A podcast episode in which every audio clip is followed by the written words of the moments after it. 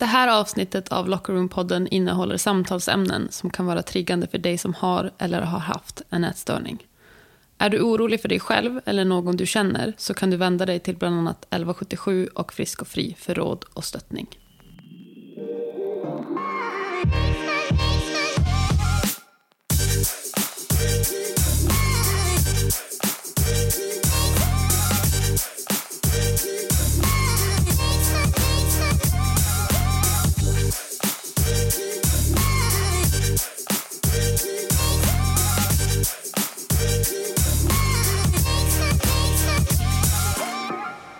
Hej och välkomna till Locker Room-podden. Jag heter Julia Edbom.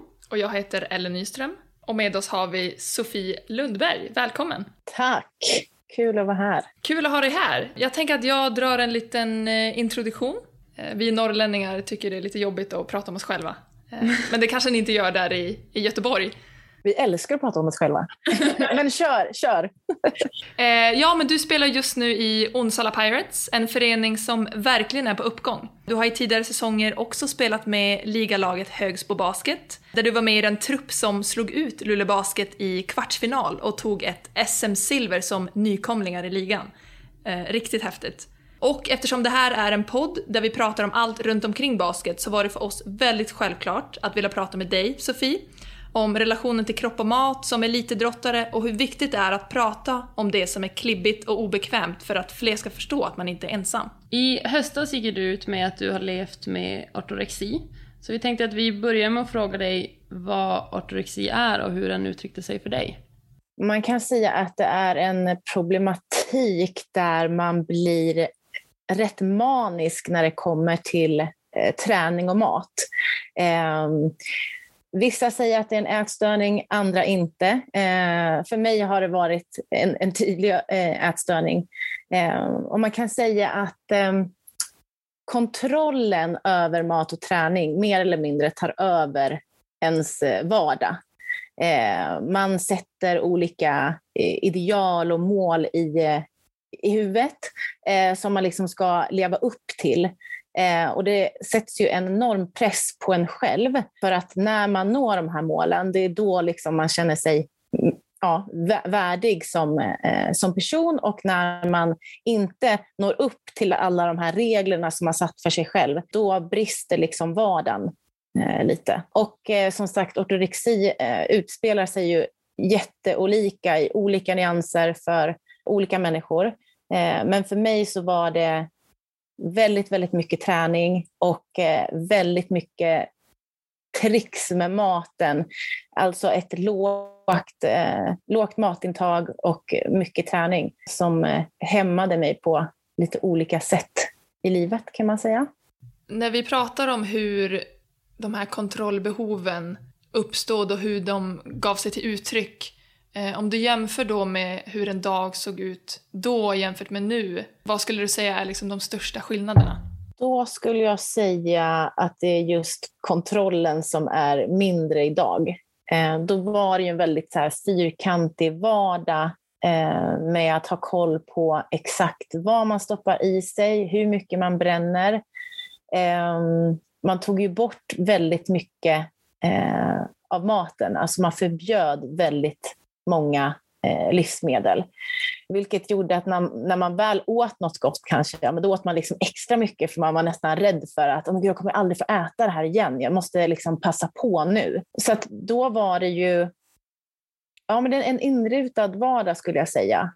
Eh, med träning eh, och mat och bara tankar kring det eh, egentligen.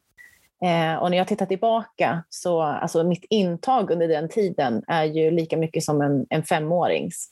Och då skulle jag ändå prestera och jobba eh, samtidigt. Så man får ju tacka sin kropp att den har eh, stått ut och verkligen liksom hållit ihop under den här tiden. Idag skulle jag ändå säga att eh, alltså vissa tankar och eh, vissa beteenden eh, finns absolut kvar. Men eh, absolut inte till eh, alltså på den nivån som det var då.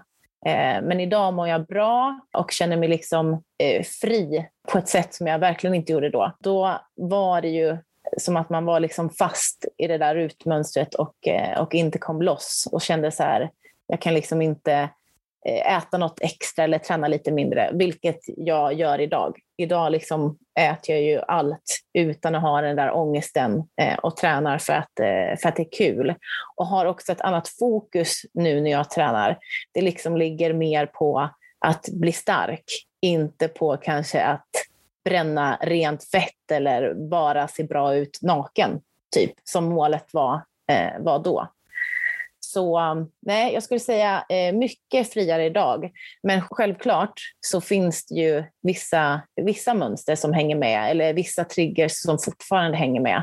Men eh, ofta så är det ju bara tankar och jag behöver liksom inte agera på dem idag, vilket jag kände jag behövde för. Så att eh, det har tagit eh, timmar av terapi, tårar, glädje eh, för att komma hit. Eh, och jag tror att eh, resan fortsätter. Eh, och den här tillfriskningsprocessen eh, och den tiden har ju varit ja, men minst lika jobbig. För då när man har satt upp ett, ett tankesätt och ett levnadssätt i flera år. Eh, att eh, okej, okay, men jag kan inte äta den här bananen till exempel, för då får jag i så här mycket fruktsocker. Oj, nu, nu åt jag för mycket, nu måste jag träna mer och så vidare. Att ha det tankesättet och sen ändra det tankesättet är ju också en, en ganska stor process. Eh, för man, förut kanske har man blivit triggad av vissa saker och sen så lär man sig att hantera det. Eh, och sen så kommer man in då i det här nya tankesättet, det här lite sundare. Och då är också det en liten, en liten chock eftersom man är så bekväm att tänka på det andra sättet. Så att det har ju varit eh, period, alltså jobbiga perioder av att, att bli friskare också eh, och komma ifrån det där bekväma som man är van vid till att faktiskt våga tänka nytt och våga göra nytt. Det, det kan jag tänka mig att just eh, under en sån process att när tankarna liksom kommer igen, att man just måste vara medveten om att men det här är bara tankar och jag kan, jag kan, jag kan fixa till dem men de kommer och går och det kommer de kanske göra ganska länge. Precis, och vissa perioder då finns inte de här tankarna alls. Sen kanske man har någon dipp eller, eller så och då, och då kommer de. Men helt riktigt, de kanske kommer och då det är ingen idé att förbjuda dem. Eh, utan det är helt okej okay, eh, att, att tänka dem, men kanske inte göra något mer med dem.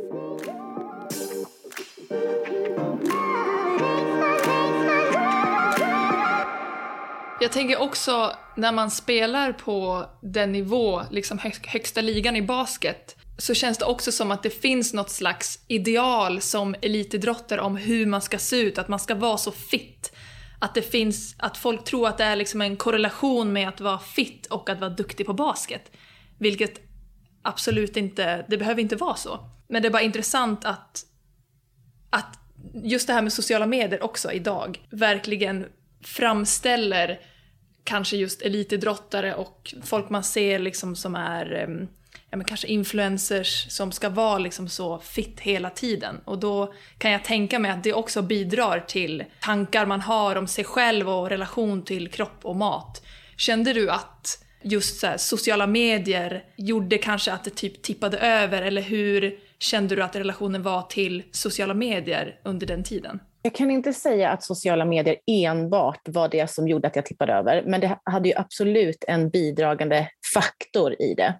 Jag följde ju väldigt mycket fitnessprofiler och blev då, då eh, väldigt inspirerad. Idag så kanske jag ser på de här profilerna med ett annat öga. Mer att, ja visst, det kanske är snyggt, men ser det så hälsosamt ut? Nej. Eh, mår den personen eh, bra inombords? Nej, kanske inte. Vet jag vad som krävs för att se ut sådär? Ja. Är det värt att offra idag? Nej, det är det inte. Men självklart, det känns som att man ofta så blandar ihop kanske hälsa med att ha en låg fettprocent och stora mus muskler. Vilket för mig inte är hälsa idag.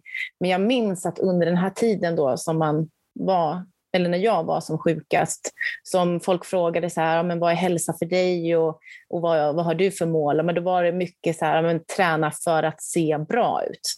Kanske inte alltid träna för att må bra. Och jag vet att en sak som jag fick göra i den här tillfriskningsprocessen var att avfölja de här fitnessprofilerna. För att det triggade ju mig eh, väldigt mycket genom att se andra. Aha, okej, okay, det är så där man ska se ut. Oj, nu har den tränat, nu måste jag träna ännu mer. Och i, idag fortfarande eh, så, så kan det trygga mig. Nu är det ju väldigt vanligt också att eh, man är lite mer eh, lättklädd Eh, på gymmen och eh, man har ju även ett ansvar där tycker jag. Jag tycker det är så häftigt att man liksom kör på och eh, liksom står upp och bara här är min kropp, här är jag. Men man har ju också ett ansvar att eh, se till kanske lite vem man triggar. Så där, för mig har det varit en, en trigger, absolut. Och det känns också som att det blir så skev bild av hur hur alla personer ser ut egentligen om att man bara går på men, fitnessprofiler på Instagram. Jag menar då är det ju bättre att gå liksom till ett badhus och vara i omklädningsrummet där och se verkligen hur det finns så många olika kroppstyper och hur faktiskt vackert det är att det finns så många olika kroppstyper. Mm. Jag antar att det här är ingenting som bara kommer från ingenstans. Var det, kom det successivt för dig? Lite som hur började det, kröp det sig på och när insåg du att det kanske fanns ett ett problem. För som elitidrottare så lever man kanske lite redan i en verklighet där mat och sömn och träning är väldigt, väldigt närvarande för att det är en del av ert jobb. Så var det liksom, kom det successivt eller ja, hur såg det ut för dig? Nu när jag blickar tillbaka så ser jag ju ett, ett successivt mönster. Men där och då så insåg jag nog inte det eh, förrän senare. Men när jag tittar tillbaka så vet jag att var, jag var väldigt hård eh, mot mig själv när det kom till träning. Eh, när jag tittar tillbaka så skrev jag träningsdagböcker från när jag var, eh, gick i sjuan. Och när jag tittar på dem så är det inte så här basket en och en halv timme eller gym en timme, utan det är så här biceps curls tre gånger tio med den här vikten. Nu gjorde vi flätan i tio minuter och sen gjorde vi den här övningen. Alltså det var väldigt maniskt med att, att tracka allt som jag gjorde. Men sen har jag alltid varit noga med, eh, med att ja, få rikligt med sömn, äta rätt, träna rätt. Så att det går ju liksom lite i, ihop här och tack vare min självdisciplin har jag ju tagit mig dit jag har velat och maxat min prestation utifrån mina förutsättningar. Så jag kan inte peka ut här en, en specifik händelse som gjorde att jag hamnade här. Men tittar man tillbaka så är det ju då att man har skrivit träningsbok i eh, eller träningsdagbok i ung ålder. Eh, matdagbok också hyfsat tidigt. Jag har väl ofta kopplat ihop eh, mig, mitt, mitt värde och min prestation på planen, eh, det, det för mig har varit ett och samma. Så om någon coach då kanske har sagt att ah, men, eh, det kan vara bra att, att tappa några kilo för att bli snabbare i försvaret, då kanske jag då, där och då, upplevde det som att det var mot mig som person och tog det helt annorlunda än, än vad den här coachen menade. Och sen sociala medier, absolut. Så att eh, det har, det har kommit successivt, men man ligger ju alltid på en gräns när man är elitidrottare. Det finns ju en anledning till att alla inte, alla inte är det. Ehm, så att eh, det är ju en, en fin gräns däremellan. Alla behöver inte falla dit för en problematik, ehm, men, men jag tror fler gör det än vad man tror. Innan du började prata om det offentligt så, ehm, hade du någon att prata med det om? Eller kände du till någon annan som hade upplevt samma som dig? Fanns det någon att prata med eller hade du hjälpt av att ha någon som dig själv i närheten som hade kanske gått igenom samma och varit öppen med det? Eh, jag har haft några eh, som jag har kunnat prata med om det. Men eh, för mig har det alltid varit så skambelagt att eh, ja, men här står jag eh, och ändå tränar på, äter bra, eh, ser bra ut och sen då att erkänna för någon annan att jag sitter med de här tankarna om att ja, men man kanske är ful eller tjock eh, och med mycket självhat och så vidare. Och det för mig har varit väldigt svårt att, att lyfta, eh, kanske med någon alltså nära vän. Eh, så när jag tog hjälp och fick eh, öppna upp om det här eh, för en terapeut så är det det som har hjälpt mig mest. Och en anledning till då att jag har öppnat upp eh, om det här nu är ju just för att jag vet att jag hade uppskattat att läsa eller prata eller höra om någon som har liknande, hade liknande problematik. Eh, för att veta då att, aha, men det är inte bara jag som sitter med de här tankarna. Och det blir ju så, pratar man inte med andra så tänker man ju inte så mycket på att andra kanske känner likadant. Eh, så då blir det ju ännu större och man, det blir liksom så stort för en själv och så, så tänker man att liksom det, ja, det är bara jag som, som tänker så här för man hör inget annat. Du nämnde ju lite att ortorexi kanske inte är en um vad man ska kalla liksom befäst term inom, eller att man inte kanske alltid säger att det är en ätstörning. Ser, det, ser du någon fördel eller nackdel med att det inte är en, en kändare problematik eller sjukdom? Eller hur man vad då vill kalla det. Att, jag tänker, um, hade man varit mer bekant med den hade det varit lättare att, att kunna säga men det är det där eh, jag lider av eller um, är det bra för att det kan se så olika ut så att det är bra att det är en vid beskrivning av den? Om du förstår min fråga, den kanske var luddig. Men det är ju, du kommer få ett luddigt svar också. Både ja och nej, tänker jag. Ehm, jag tänker ju, eftersom det finns så många olika nyanser av just den här ätstörningen eller sjukdomen eller vad man nu vill kalla det, eh, så är det kanske svårt att sätta in det i en specifik kategori, för alla hamnar inte där. Eh, och det gör väl att att en bredare målgrupp hamnar i den. Så att ja, för, för mig har det varit skönt att sätta en, en titel på det. Att kunna säga att ja, men det är inte jag, utan jag lider av det här. Eller jag är inte den här sjukdomen, utan jag har haft en sjukdom eller jag har, har haft en ätstörning. Så mig har det hjälpt att, att sätta ett ord på det eh, för att kunna distansera det från mig själv. Sen finns det väl en liten problematik Eh, med att alla kanske inte är så bekanta med den. Men när, nu när jag har berättat om eh, alltså beteendet bakom så är det väldigt många fler som känner igen sig, även om de inte har hört själva termen. Sen när du valde att söka hjälp, när kände du att det här kontrollbehovet blev en problematik för dig? Att du kände att liksom, det här är någonting som jag verkligen behöver söka hjälp för, för jag kan inte lösa det själv. När kände du att det gick från att det var liksom i din vardag till att du kände att det här är verkligen problematiskt? Det tog ju ett tag innan jag eh, valde att söka hjälp. Innan när man eh, gör de här eh, reglerna för sig själv och kanske äter mindre, tränar mer, så var det ju bara positivt egentligen för både prestation och för, för kroppen. För man fick en kick i början och man levde på den. Så att min kropp och jag, eh, vi svarade ju bara positivt på det här i början. Sen när det blev lite mer striktare eh, så blev det ju mer som att kroppen inte orkar lika mycket längre. Eh, den blir nästan lite, lite utbränd fysiskt kan man säga. Eh, men jag märkte ju till exempel att min menstruation försvann. Eh, och det var ju ett tecken. Eh, men jag vet att då var det också någon slags bekräftelse för mig själv, så att oj, men nu, nu gör jag ett bra jobb. Eh, för jag vet att det här är ett tecken på när man tränar, enligt mig då, tillräckligt bra. Så det blev ju nästan alltså destruktivt, att det blev liksom som en kick för mig, fast det absolut inte var hälsosamt. Eh, men sen tog det ju över vardagen väldigt mycket. Eh, det blev väldigt så inrutat, man hade sina rutiner, man skulle sova så här mycket, man skulle upp och träna innan frukost. Allt man tänkte på var ju mat och träning. Och i och med att man inte fick i sig lika mycket näring som man behövde, eh, så ledde ju det också till att Eh, man orkade kanske inte känna lika mycket, man orkade inte tänka lika mycket. Eh, så att allt blev väldigt så svart, eh, svart på vitt. Men jag vet att eh, under någon period då, då vet jag att jag käkade sådana fettförbränningspiller. Det var några piller som eh, dämpade aptiten så att man inte skulle få i sig mer. Jag vet att det gick ju perioder då man inte så här, unnade sig, som man brukar säga, alltså med godis eller något gott, då vet jag att de perioderna, eller den, den dag jag unnade mig, det var liksom en banan. Eh, så man märkte ju att mitt beteende inte alls var som, eh, som andras. Eh, man började kanske tacka nej till att eh, hänga med kompisarna bara för att man visste att nej, men då skulle jag behöva äta det här så att inte någon fick reda på det.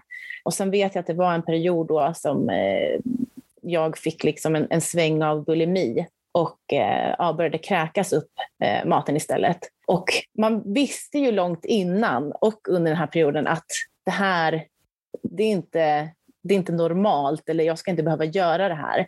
Men jag gjorde det också för att rädda mig själv. För att gjorde jag det inte, ja men då steg ju ångesten och den var ju ännu värre. Så att det var väl i, som en kombination av allt det jag berättar nu. Alltså bortfall av menstruation, väldigt inrutad vardag, ångesten eh, blev liksom mer och mer, bröt emot de här reglerna, ja, men då kommer de här ångestattackerna, de kommer komma på gymmet, alltså i speglar. Så det var en kombo av att oj, ska jag, är det så här mitt liv ska vara?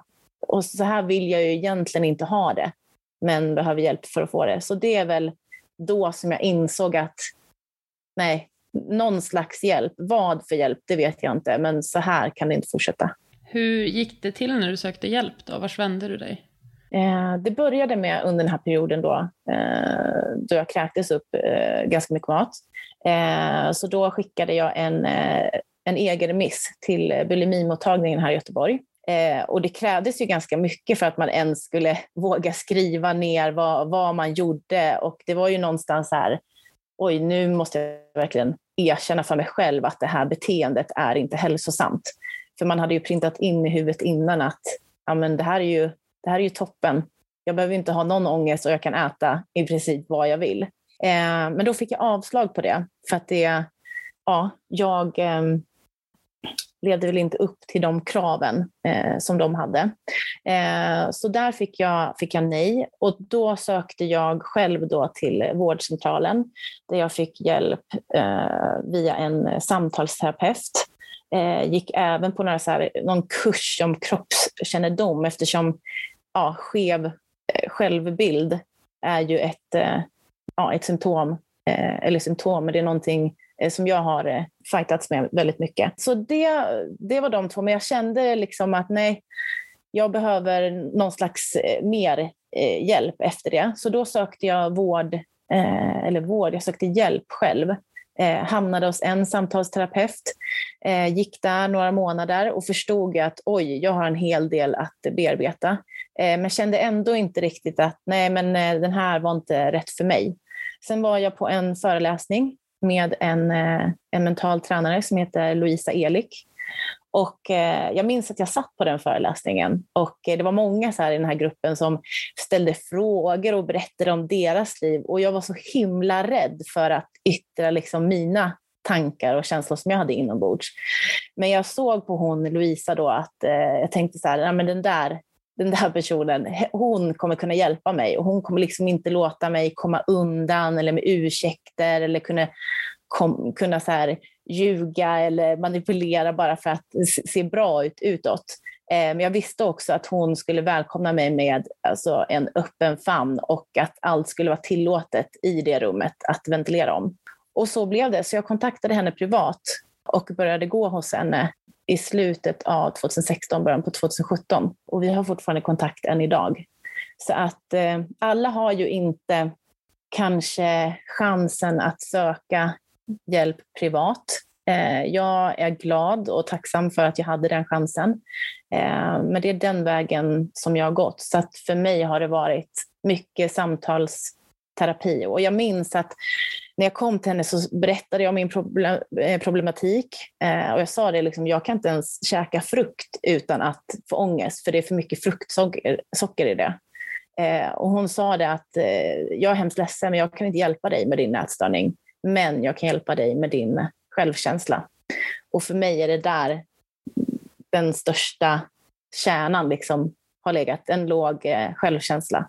Och det är det som vi har jobbat med och eh, byggt upp och bygger fortfarande upp. Jag tänker att en jättestor del är att det är så viktigt att man vågar prata om det och också orkar prata om det. För det är inte alla som gör det och det måste också vara helt okej. Okay. Men att man måste komma till insikt att man, det finns för det första inget rätt sätt att vara ätstörd eller må dåligt eller eh, lida av en depression. Men också att vägen in till vården kan få lov att se annorlunda ut. Och för dig såg den ut på det där sättet och för någon annan kanske ser ut på något annat man blir ju glad av att höra att du ändå vände dig och fortsatte söka hjälp för att du kände att du behövde det. Men utifrån sett kan jag som känna att man önskar att vården hade fångat upp dig för du har ändå tagit steget och sökt hjälp och liksom insett att, att du behöver den. Och det i sig kan inte vara särskilt lätt. Och att då bli liksom nekad känns väldigt jobbigt, eller? Ja, men det var, det var väldigt jobbigt. För att man hade ju ändå tagit sig modet och berättat då, ja, typ för första gången då för någon annan i skrift som man skickade iväg till någon som man inte visste liksom vem, vem som skulle läsa det. Eh, nej men det var, det var ett bakslag. Ehm, men jag är jätteglad att jag, jag vågade eh, fortsätta eh, söka. Och även då när jag inte kände att jag kom rätt första gången, vågade prova igen. Och även där när jag kände att ah, det här har varit jättebra, men jag behöver någon som kan hjälpa mig ännu mer eller som utmanar mig ännu mer. Eh, att man där liksom vågade ta steget själv och inte bara ge upp där. För det kan jag tänka mig är väldigt vanligt. Att eh, får man nej någonstans eller känner det här, jag har ändå tagit mig tiden, öppnat upp för någon och så ger det inte det resultatet som jag vill, så tänker jag att det kan vara lätt att bara ja, men det är ju aldrig någon som kommer hjälpa mig, så det spelar ingen roll. Jag slutar här. Så jag får tacka mig själv och klappa mig själv på ryggen för att, eh, för att jag fortsatte söka. Och hjälp finns ju att få. Eh, oavsett om man har otur, tänker jag. Första gången man vänder sig till att för att få den. Så det är viktigt att orka fortsätta. Även om man önskar till en perfekt värld så blev man omfamnad och omhändertagen. Även om man kanske hamnade fel första gången. Eh, verkligen. Då ska man ju bara få lotsas rätt.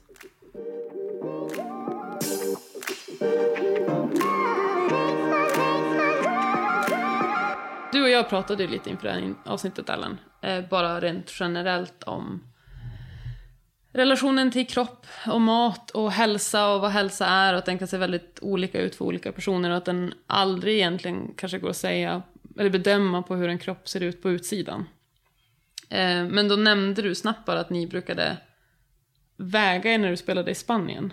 Ja, precis. Eh, nu när man liksom tänker tillbaka på ja, men, saker som kan ha triggat folk till olika typer av ätstörning eller, eller osund relation till mat och kropp har jag absolut stött på i min karriär. Så på både college och när jag spelade i Spanien så vägde vi oss varje vecka. Och då var det, det är klart man kände lite så här, lite smått ångest innan man vägde sig att jag hoppas att jag inte väger så mycket liksom. Eh, för att det var någon slags Dels så jämförde man sig med andra, kanske på samma position, att väger jag mer eller mindre än den här personen som, som spelar på samma position och det blev liksom något fokus på vad siffran sa istället för att eh, hur man mådde och hur man kände sig. För det kan ju vara så att om man liksom väger sig på morgonen eller på kvällen så kan det skilja många kilon. Och var man är i menscykeln påverkar också jättemycket. Och det har ingenting med vikt att göra, det handlar ju om vätska i kroppen. Så det blir ju skevt. Precis, men när vi satt och diskuterade det här så finns det absolut mycket problematiska liksom, tillvägagångssätt inom elitidrotten som liksom ändå har blivit normaliserad just för att det handlar om idrott och vi, vi liksom, jag förstår att man måste skilja på personen och idrottaren på ett sätt för att vi jobbar ju liksom med våran kropp och vi vill att den ska må bra och det är klart att liksom, jag kanske ska vara i en, någon slags ideell vikt för att jag ska spela som bäst. Men det får inte heller bli för mycket fokus på den siffran, att det blir, att det kan ta över, eh, liksom att det blir någon slags kontrollbehov att ja, men då, då måste jag hålla mig till det här, eller jag undrar om jag är snabbare och skjuter bättre om jag väger lite mindre. Eh, så att det är absolut någonting som jag har fått en, en tankeställare eh, Eh, när vi har diskuterat det här. En, en, fråga till er båda. Jag är ju inte någon elitidrottare så, sen har jag jobbat nära elitidrotten, men när vi pratar om det här, tror ni det finns ett sätt att hantera vikten hos idrottare på ett bättre sätt än vad det görs nu? Alltså där man kopplar bort den från, alltså där man slipper känna pressen att väga så lite som möjligt, för jag tänker att det är lite det det handlar om ibland. Och det kanske finns en likvärdig press att gå upp i vikt för att bygga muskler, men jag förstår att det är ett känsligt ämne. Går det att hantera bättre eller ska man inte hantera det alls och prata istället om prestationen på ett annat sätt och ta bort viktfrågan helt och hållet? Det är, för, för mig utifrån så låter det så att gud om jag skulle bli tvungen att väga mig varje gång jag gick till jobbet, det var helt sinnessjukt. Nu jobbar inte jag med min kropp men, men ändå, det låter, det låter jättehemskt. Om jag ska vara helt ärlig. Nej, men jag förstår ju att vi jobbar ju med våra kroppar eh, och vi tränar ju för att hålla eh, under säsonger. Eh, så absolut är det ju en del av, av träningen. Men jag tänker att ehm, som sagt det första fokuset bör kanske inte ligga alltså på siffran på vågen, utan mer vad presterar du på planen. Sen pratar man ju väldigt mycket om det fysiska. Alltså, ja, men hur snabb är du? Hur mycket, många skott kan du sätta? Eh, och så vidare. Men jag tror ju att den mentala biten är minst lika viktig. Eh, och det här att man ja, både det här, de, när alla de här hjärnspökena kommer in, prestationsångest, alltså det är ju minst lika viktigt att förstå hur man hanterar det. Skjuter jag ett skott och missar och inte kan hantera att ja, att jag missade eller att det gör att jag inte vågar ta ett skott till i nästa anfall så påverkade det min prestation lika mycket. Så jag tänker att det är viktigt att ta in den här mentala biten där man pratar då om, om självförtroende jämfört då med självkänsla och att man separerar dem. Att det här är du som person och, och här är din självkärlek och här är ditt, ditt värde. Det har liksom ingenting med prestationen ute på planen att göra. Så är det så att någon behöver väga eh, om de har ett bra argument för det, men då ska det vara kopplat till prestationen, ingenting mot människan. Men det är ju lite svårt eftersom det sitter ihop. Samma sak med det här problematik med mat och så vidare. Hade det varit någonting som man kan ta bort ur vardagen så hade ju det varit lättare. Men här är ju, du ska ju använda kroppen som ditt verktyg och du måste äta varje dag. Ja, och jag tänker när vi vägde oss både på college och i Spanien, det var ju ingenting som gjordes med de här siffrorna. Så att det var ju helt onödigt att väga oss för att det var ingenting som gjorde att ja, men det här kopplar vi då till eh, exempelvis hur mycket du ska ta i knäböj eller eh, liksom hur, jag vet inte, hur, hur mycket du liksom ska äta innan match och kanske kopplar det mer till att okej, okay, men din kroppsvikt ser ut så här så du måste verkligen liksom äta mycket. För det kommer jag ihåg att vi pratade om också. När vi spelade ungdomsbasket så eh, tog vi in en föreläsare som pratade om mat och gick in liksom på djupet i att ni behöver äta mat för att kunna prestera och mat handlar om energi. Liksom att det, det ni äter, det ska ni liksom spela på. Och det var inte så att ni får inte unna er eller eh, liksom det här är dålig mat, det här är bra mat. Utan mat är mat och det omvandlas till energi som vi spelar på. Så om man inte äter tillräckligt mycket så kommer man inte orka spela. Eh, och det pratade vi om att mm. det var väldigt viktigt tror jag att, att få in i, vi kanske var alltså 13, 14, 15 ja. år när vi hade den föreläsningen. Ja, det var inget kategoriserande av mat som bra eller dålig. Jag tänker att det är ganska viktigt att komma ihåg. Um, att alltså kalorier eller kolhydrater eller vad det än må vara, det är ju inte farligt i sig. Men det har ju blivit lite som, man pratar om det som skurkar typ. Men jag minns också att vi skrev kostdagböcker på gymnasiet. Alltså jag gick inte en idrottslinje, jag gick natur. Vad, vad ska jag med den? Det, det, jag, jag, kan inte komma ihåg att det gav mig någonting annat än en konstig medvetenhet för vad jag stoppade i munnen. För det var inte i relation till vad jag sen orkade. Att hade, hade jag fått föra en kostdagbok, nu tycker jag inte det är bra överhuvudtaget, det kanske passar vissa individer men jag tror inte att en idrottslärare är den som ska ordinera det. Men hade, säg, ponera att vi hade skrivit en kostdagbok och när jag åt det här så orkade jag så här mycket med basketträningen eller stallarbetet gick mycket lättare, jag höll humöret bättre, jag blev inte ledsen när saker gick emot mig för att jag hade ätit bra. Då kanske det hade gett mig en annan insikt. Men nu blev det bara som att jag funderade mer på hur mycket ska jag skriva för att det inte ska vara för mycket om någon annan ser min kostdagbok. Jag vet inte, släpar idrotten efter i att ta ansvar för att man är i någon slags riskzon för det här? Eller vad säger ni?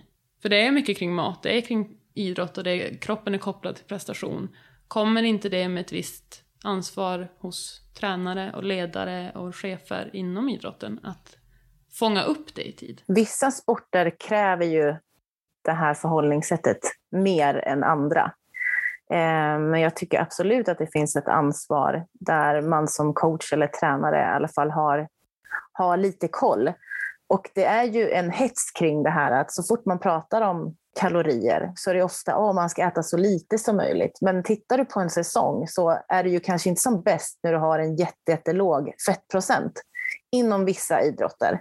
Så varför, varför koppla ihop just det till alltså bäst prestation har du kanske inte när du är som tunnast. Så jag tycker, ja, det finns ett ansvar där. Sen hur det utspelar sig, det, det är svårt eh, för, för mig att säga. Men eh, de ligger ju liksom väldigt nära eh, den här prestationen och idrottandet eftersom ja, det är din kropp som du gör arbetet med. Då kommer en svår fråga här kanske, men jag ställer den i alla fall. Vad tycker du, för du behöver inte svara för alla, men vad tycker du att ledare och tränare kan tänka på för att inte trigga ohälsosamt tänkande hos kanske främst då unga, eftersom att man är ganska formbar den tiden? Ja, det är ju en svår fråga. För jag menar, en basketcoach idag, de, är ju, de ska kunna basket. Men det är ju mycket, mycket mer man nästan kräver runt omkring. Det är kommunikation, det är pedagogik, man ska vara bundis med spelarna, man ska veta alla varningstecken, man ska vara hobbypsykolog. Alltså det är ju en ganska stor alltså press. Så. Jag tänker att alltså, lär känna dina spelare och, eh, och ha, ha lite koll. Eh, det är ju kanske bra att vara lite påläst på lite olika saker. Sen kan inte jag säga specifikt vilken man ska nischa sig på. Men man bör ju ha ett hum om eh, vissa beteenden som kanske står ut som man bör vara uppmärksam på. Sen utspelar ju det sig väldigt olika hos väldigt många, så det är ju väldigt mycket för en tränare att egentligen ha koll på. Men jag tänker, lär man känna sina spelare, ha koll på hur de mår, alltså har man en dialog, har en bra dialog med föräldrar, så blir det i alla fall lättare att, eh, att se de här tecknen. Och jag tänker att precis som du sa, Ellen, där att ni hade en föreläsning eh, där man pratade om att ni behöver så här mycket för att det genererar energi och gör att ni kan spela. Att när man pratar om, om prestation eller sömn eller mat, att man, man kopplar det till det här är vad ni behöver för att prestera och inte lägger något värde i hur man ser ut, eh, så hade ju det hjälpt mycket. Jag vet inte om jag, jag gav ett, ett svar på din fråga, men men ett, något slags svar var det. Det tycker jag absolut du gjorde. Och alltså, sen, det är som du säger, det, det läggs mycket ansvar på ledare som ofta är ideella också. Och det kanske är orättvist, men det jag tyckte var så himla bra när vi var, vi, kan inte, vi måste gå till sjuan typ, att våra tränare insåg att så, okay, men vi är som bäst på att lära de här ungarna att spela basket. Då tar vi hjälp av någon som är bättre på just kosten än vad vi är. Och det var Alltså det är fortfarande den bästa kostutbildningen. Jag kommer ihåg den så väl för det var ganska befriande. Um, att få höra mat pratas om som en tillgång och inte som någonting man uh, ska unna sig. För det tycker jag aldrig man ska behöva känna med mat. Nej, och det är ju jätte, jätteviktigt. Och som du säger, ja, en tränare kanske inte kan allt sånt. Men jobbar du i en förening så finns det ju säkert någon förälder som jobbar kanske med kost någon förälder som är läkare eller sjukgymnast och kan hoppa in och, och visa. Och där tycker jag att man liksom vågar våga ta hjälp. Ja, och det tror jag också är jätteviktigt. Eh, just det här med stöttning runt omkring. Och det verkar det som att du verkligen, verkligen har haft från eh, Onsala Pirates. Vad betyder det för dig att klubben liksom plockade upp det här och jobbade vid, vidare tillsammans med Eh, Eh, du är unik och du får gärna berätta mer om Du är unik. Först och främst jätteuppskattat att en klubb liksom vill vara med och, och sprida det här eh, ämnet och eh, hjälpa till att börja få andra att prata om det. Så det har varit jätteuppskattat. sen är det då en organisation i Onsala som heter Du är unik.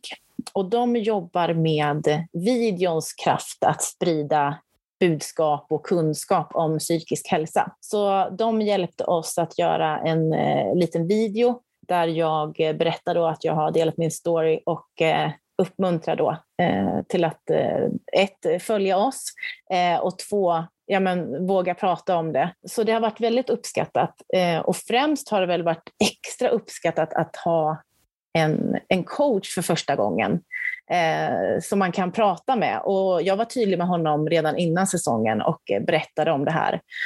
Och det har varit en av anledningarna till att jag har gått ner en nivå också. För i den här tillfriskningsprocessen har det också tagit mycket energi och så vidare.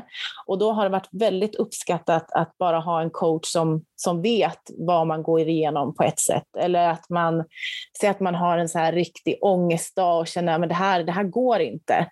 Så finns det en person ett samtal bort som säger ja ah, men det är ingen fara, du kan komma på nästa träning istället. Att ha en coach som eh, lyssnar på människan bakom basketspelaren före prestationen på planen har för mig varit så himla tacksamt. Jag tänker om det finns någon som lyssnar nu som kanske känner som du gjorde innan du berättade om det här, att det känns jättejobbigt att ta upp, det känns skambelagt eh, och väldigt, väldigt svårt. Kan inte du bara berätta hur det kändes för dig efter att du hade gjort det? Blev det lättare? Du pratar om förståelse från coachen nu. Att, hur kändes det beslutet och hur känns det efter? Det är ingenting du ångrar, antar jag? Nej, ångrar, jag ångrar det verkligen inte.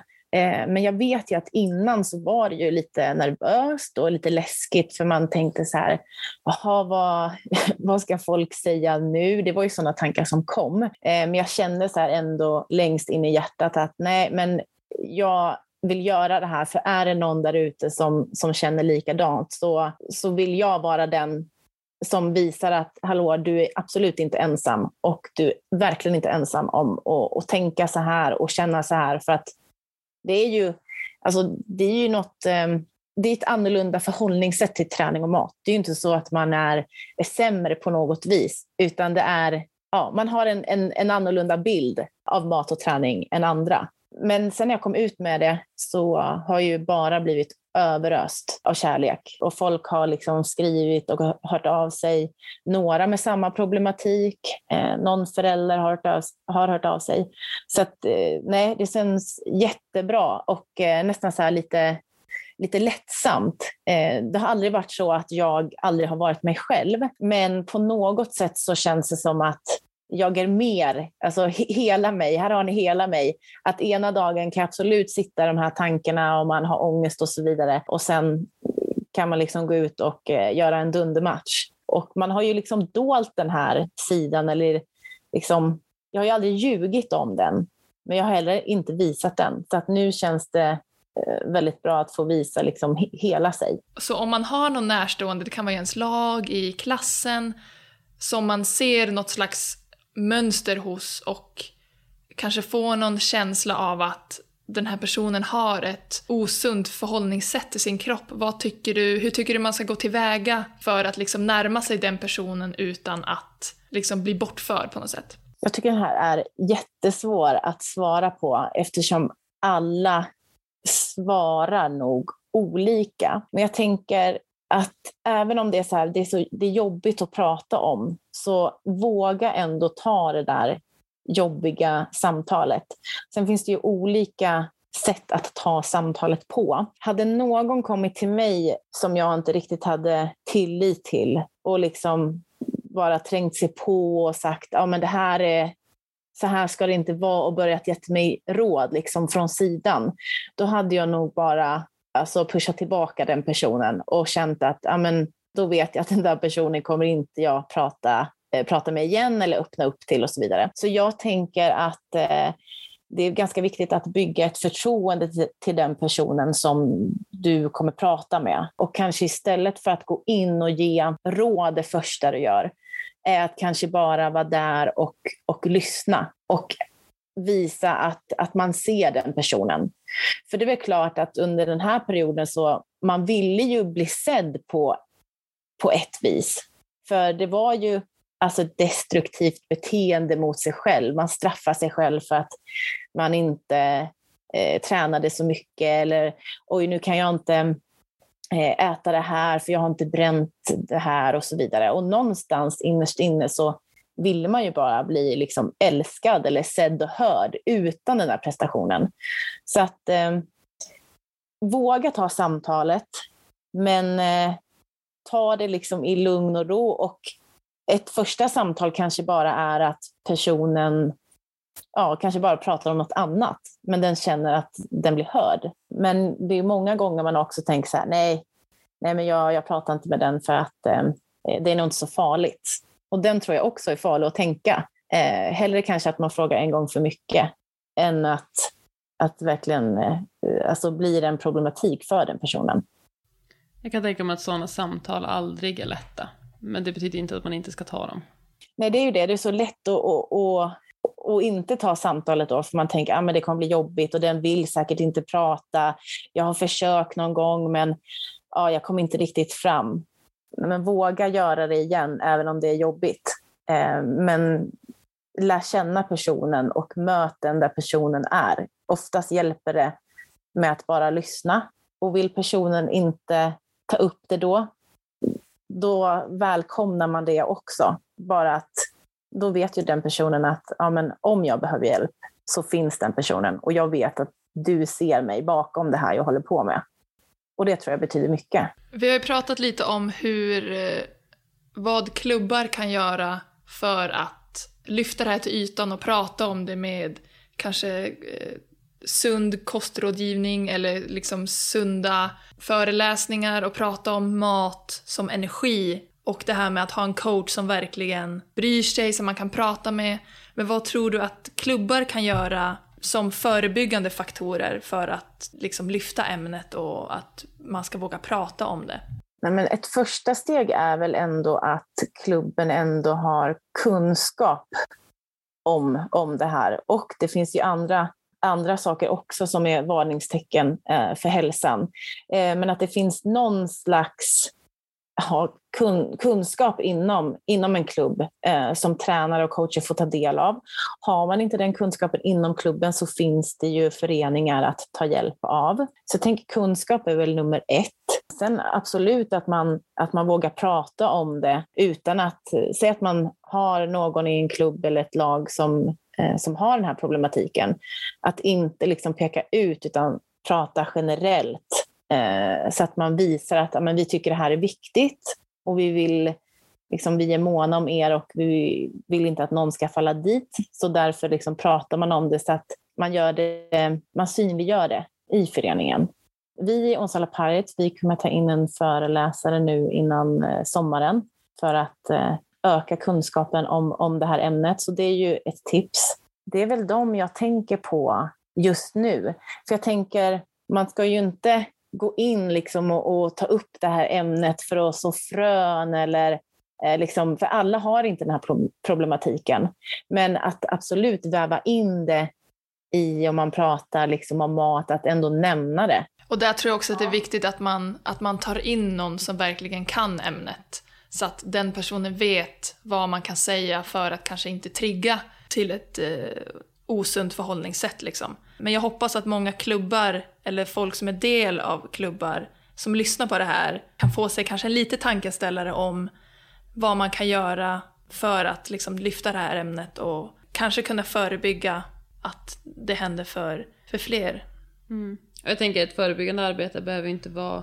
Det kan ju också se ut som som det gjorde för oss. En kostföreläsning om mat på ett annat sätt än vad man kanske får ta del av i Ja men nu är det sociala medier, då var det ju kanske tidningar eller hos kompisar så. Så att eh, det är också ett typ av förebyggande. Att undervisa medvetet. Det här är ju jätteviktigt att prata om och vi är så glada och tacksamma över att du gästade oss och delade med dig av din historia och dina tankar. Tack så jättemycket från oss båda. Ja, tack själva. Eh, så kul att ni vågar ta upp det här ämnet. Så tack för att jag fick vara med. Tack. Tack. Yeah.